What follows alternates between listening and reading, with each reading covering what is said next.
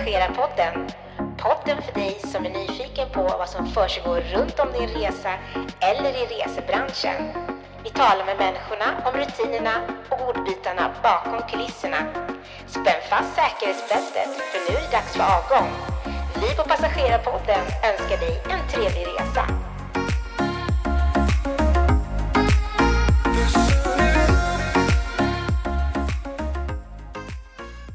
Och eh, välkommen till dagens avsnitt av eh, Passagerarpodden. Dagens gäst, Lars, välkommen till Passagerarpodden. Tack. Kul att du är med. Ja, tack. Du har varit ute och rest. Kan du berätta, var har du varit någonstans? Vi har varit i USA När var det? När reste ni? veckan innan påsk. Så vi var bort över påsk.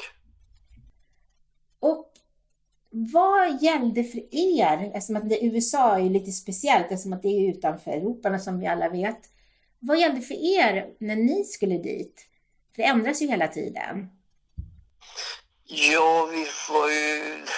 Nu var ju det med pandemin, det var ju först eh, då skulle det ha vaccinationsbevis och sen var det då covidbevis. Och sen var det gamla vanliga då att du ska visa, Ja, att du precis. ska ha visum. Hästa. Hästa, ja. Ja, precis. Jag tänkte på allt det här som du räknade upp nu. Hur fick ni, hur hittade ni, hur fick ni reda på vad det var som gällde just för er? Först så fick ju en från flygbolaget mejl om detta här och sen även då så var jag inne på UDs sidor för att uppdatera sig hela tiden. Långt innan detta här covid-testet skulle göras och så vidare och så vidare. Så det var ju därifrån vi fick mycket information. Vilket tyckte du var bäst? För du sa att du fick ju både från eh, ifrån flygbolaget och från och du hittade på UDs hemsida sa du också, eller hur? Ja, Vilket tyckte, vilken information tyckte du var bäst för att hitta? Ja, UDs gjorde gick jättebra men det var ju svårare att hitta på den. Och sen var det så mycket, om man så säger, det, de, det stod en sak och sen kunde det stå en annan sak längre ner och så vidare. Så jag blev inte riktigt klok på detta helt enkelt. Nej, det, det är ju svårt. Ja, Reglerna ändras ju hela tiden och jag vet själv för att vi, vi har rekommenderat här på Passagerarpodden en sida som heter Yata Travel Center. Och där Ja. man då får fylla i sina egna uppgifter. Och den kan ju också vara, den är krånglig för det är så mycket information och den liksom är om det här, så om det här gäller för dig, så om du har det här, om du har det här, så det är om, om, om, om, om. Så det är jättekrångligt att veta liksom vad man, vilken information man ska ta till sig och vad som gäller för just för dig då som passagerare. jajamän. Sen hade ju vi också hjälp utav de som bodde i USA. De hade ju också information där, om man så säger, vad som gällde i USA. Ja, bra. Eftersom, ja, så att det löste ju sig på det viset. Ja, okej. När ni kom ut till flygplatsen sen, eh, ni var med lite spännande saker här som du får gärna dela med dig av när ni kom ut till flygplatsen. Vad hände? Ja, vad som hände, det började ju redan när vi skulle försöka oss och sitta oss hemma så gick ju inte det. Oj då. Utan det gick ju inte att komma vidare någonting. Så vi gjorde ju allt det på Landvetter. Ja. Och då tog ju de, det var ju mycket med intyg, det var ju vaccinationer, det var covidintyg och så vidare. Och så vidare. Så att då tänkte vi ta och göra det på Landvetter och då fick vi reda på att vi stod på standbyplats från Köpenhamn. Oj, standbyplats från Köpenhamn. Så ni åkte alltså ifrån Landvetter, Köpenhamn och sen vidare? Ja, så att, men det fanns sex platser så det löste sig nog. Så efter mycket med om och men så kom vi på flyget i Köpenhamn. Men vi hade inga biljetter till, eh, från New York till Greensbury. Oj, Nej, det, hade vi, det fick vi båda, eller det fick vi lösa när vi kom fram. vad har hänt med de biljetterna? Vet ni det? Du, det var ingen som kunde svara på det. Inte? Spännande. Utan vi skulle bara gå till incheckningsdesken på United Airlines. Så då när vi kom dit så fick ju vi... Det började med att vi fick hämta ut våra väskor. Så vi skulle flyga inrikes och sen när vi kom vidare så stängde de den luckan. Så då fick en ta sig från terminal 1 till 3 för att checka in väskan. Och sen när vi kom dit bort till trean och skulle checka in väskan, då var det ingen som visste riktigt hur detta här fungerade. Men vi var ju redan incheckade så de skulle bara på bandet igen. Så då var det en som hjälpte oss med detta här och då fick vi boardingkort efter mycket om och men. Oj. Så då var det att ta sig tillbaka till eh, ett igen från eh, trean med ny säkerhetskontroller och allt detta här. Och sen när vi skulle på planet så hade vi våra boarding card, men då hittade de inga flygbiljetter. Nej, men, det låter ju fruktansvärt. Så att det löste vi, så vi kom fram och sen frågade vi Greensboro och då hittade de allting där. Så jag vet inte vad de höll på med i New York egentligen. Ja, ja det var ju spännande. Det var tur att ni kom med till slut, eller hur? Det var ju det Ja, viktigaste. jo, det var ju det. Jag visste inte riktigt hur det skulle gå. Ja, precis. Du, jag måste fråga, när ni var då i Greensboro, eh, vad hade restriktionerna, om man jämför dem med Sverige och eh, USA, där ni var, var det några, vad är det för likheter och vad var skillnaden just vid det när ni var där? I restriktioner? De enda restriktioner de hade där, det var om du flög eller åkte buss och tåg, då skulle du ha munskydd. Ja. Så det var inga munskydd i affärer, restauranger eller någonting. Okej, så de hade släppt ganska mycket på det då? Då var det släppt. Ja. Ja, okej. Och sen när vi åkte hem efter 14 dagar så var ju allt släppt i Europa. Det var ju varken munskydd eller covid-test till Europa från USA. Då. Nej. Slutligen Lars, finns det några tips eller råd som du kan dela med dig av till våra lyssnare som, kan tänk- som de ska tänka på inför eh, och kommande resor till USA? Ja, det var ju att vara uppdaterad med vad som händer och sker. Helt enkelt för det ändrar sig väldigt fort. Men man ser, den informationen du hittade då, då kan man säga att UD, den, den är ganska bra den sidan. Kan man säga det? Ja, Och, och titta noggrant på om du får någonting från flygbolaget, sms eller mail och det är noggrant att läsa det också. ja, för att allting ändrar sig väldigt fort. Ja, precis. Tack så hemskt mycket Lars för din medverkan på Passagerarpodden. Kul att du var med. Ja, tack själv. Ha det bra, tack. Hej. Hi Legalia and welcome to Passagerarpodden. How are you? Hi, hi. Thank you so much, and thank you for having me. I'm doing pretty well. I think I'm quite happy about uh, spring being here in Sweden, and I'm pretty happy about, yeah, I guess life in general is pretty good. That's good to hear. That's wonderful. Yeah.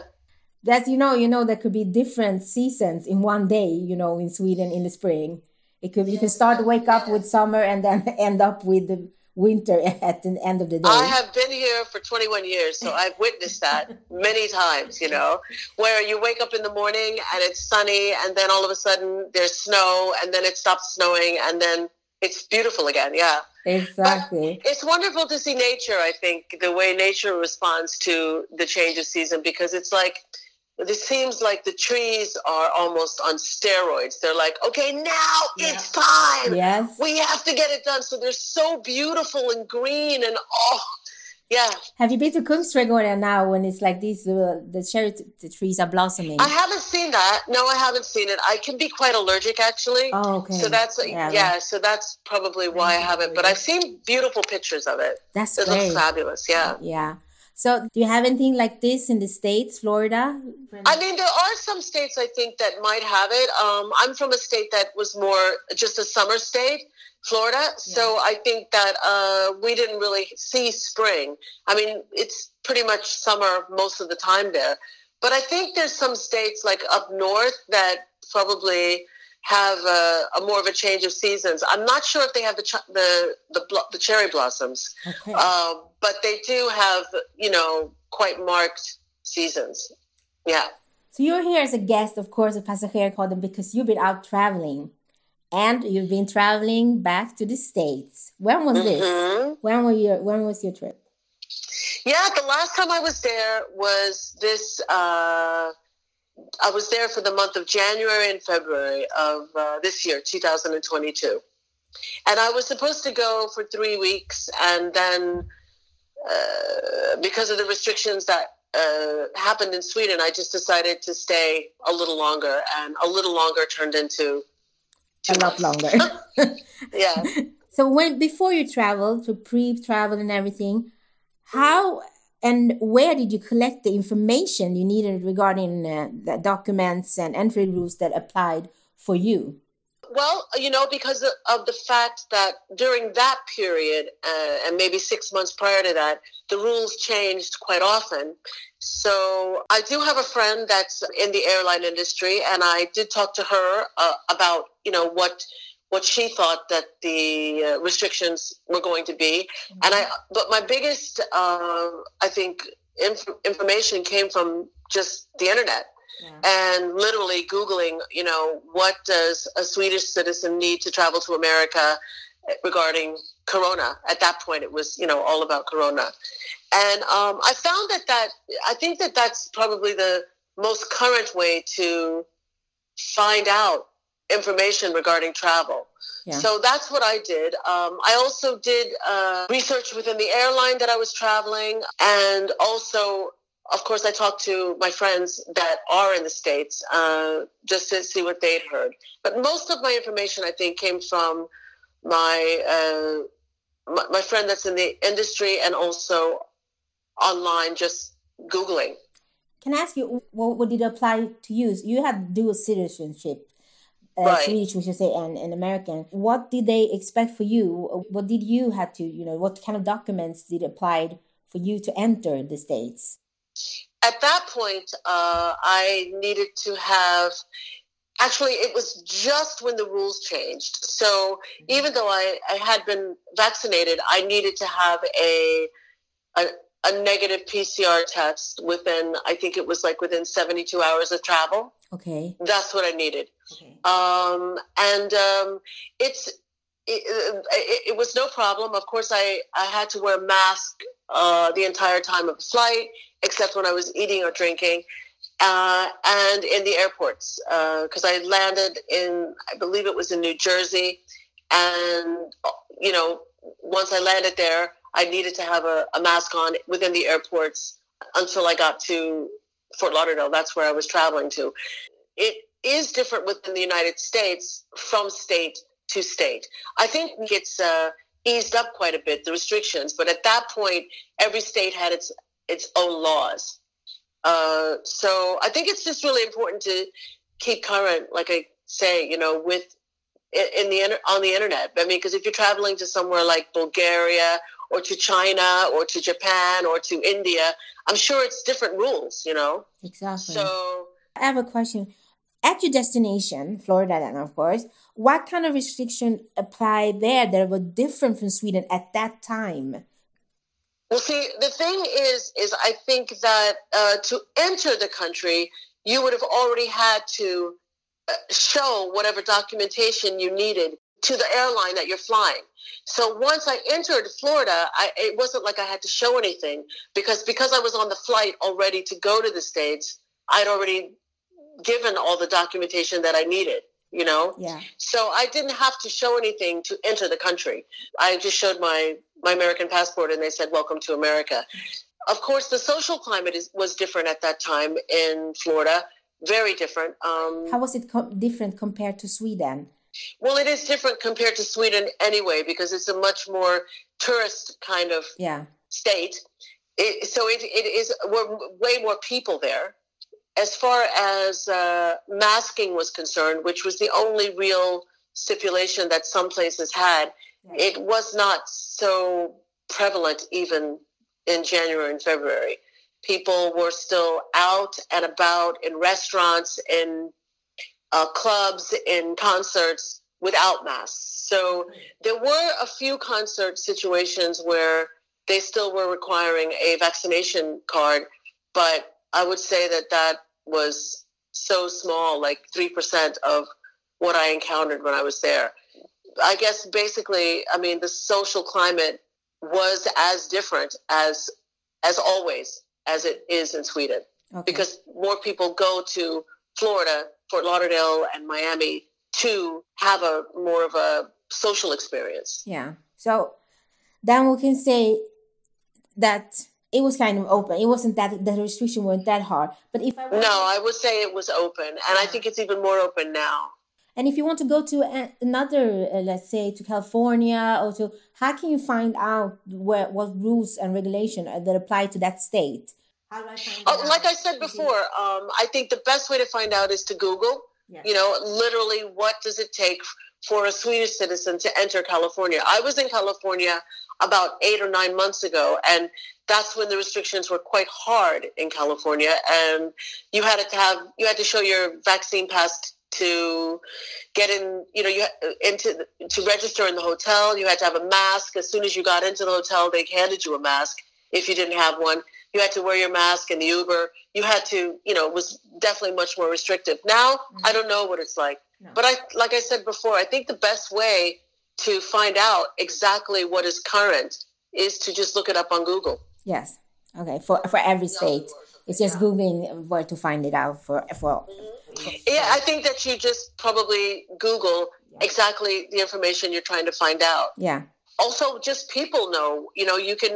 You know, if you get they. I know that when I ordered the Uber, they they let you know. Yeah. You need to have a mask on in the in the car.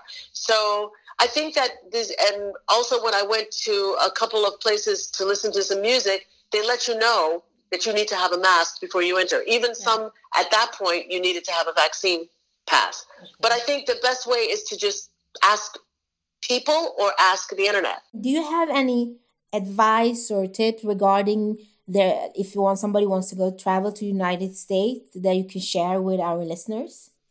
Um, I think that the when I've traveled, I find that the key to have a really pleasant experience is to try to be as nice to people as you want them to be to you because i think everyone even though of course this past two years it's been a little bit more stressful with travel i think that in general travel can be quite stressful and everyone's going through the same everyone's going through something you know what i mean? They're trying to make sure their bags get on time they're trying to make sure that they get their car you know to, to, to wherever they're going delays happen. So i think it's kind of important to try to remain as pleasant as possible because uh, the more pleasant the environment, the more pleasant the experience. And so, fine, do you have any tips like fun or exciting things to do you see like when you visit Florida?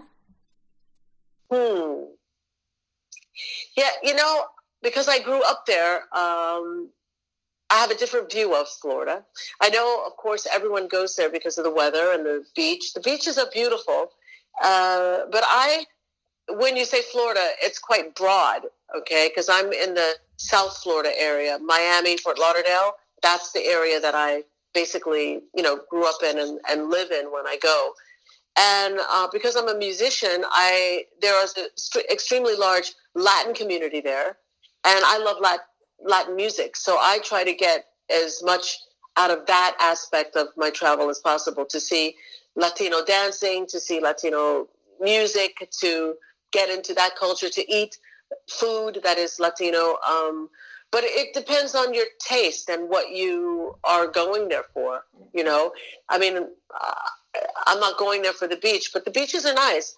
I also think that it's also nice to see more of natural Florida, which is more like Key West. Uh, it hasn't been built up so much.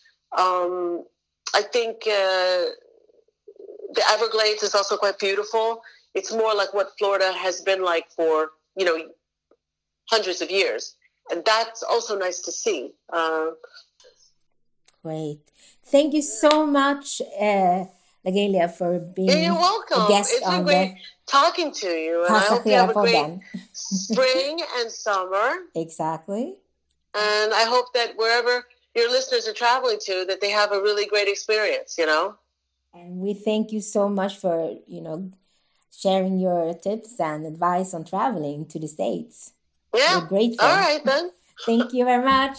All right. Take care. Take care. bye. Bye bye. Välkommen fram till din destination. Hoppas att du haft en trevlig resa med oss. Vi här på Passagerarpodden vi tackar så hjärtligt för oss och önskar dig varmt välkommen åter till vårt nästa avsnitt.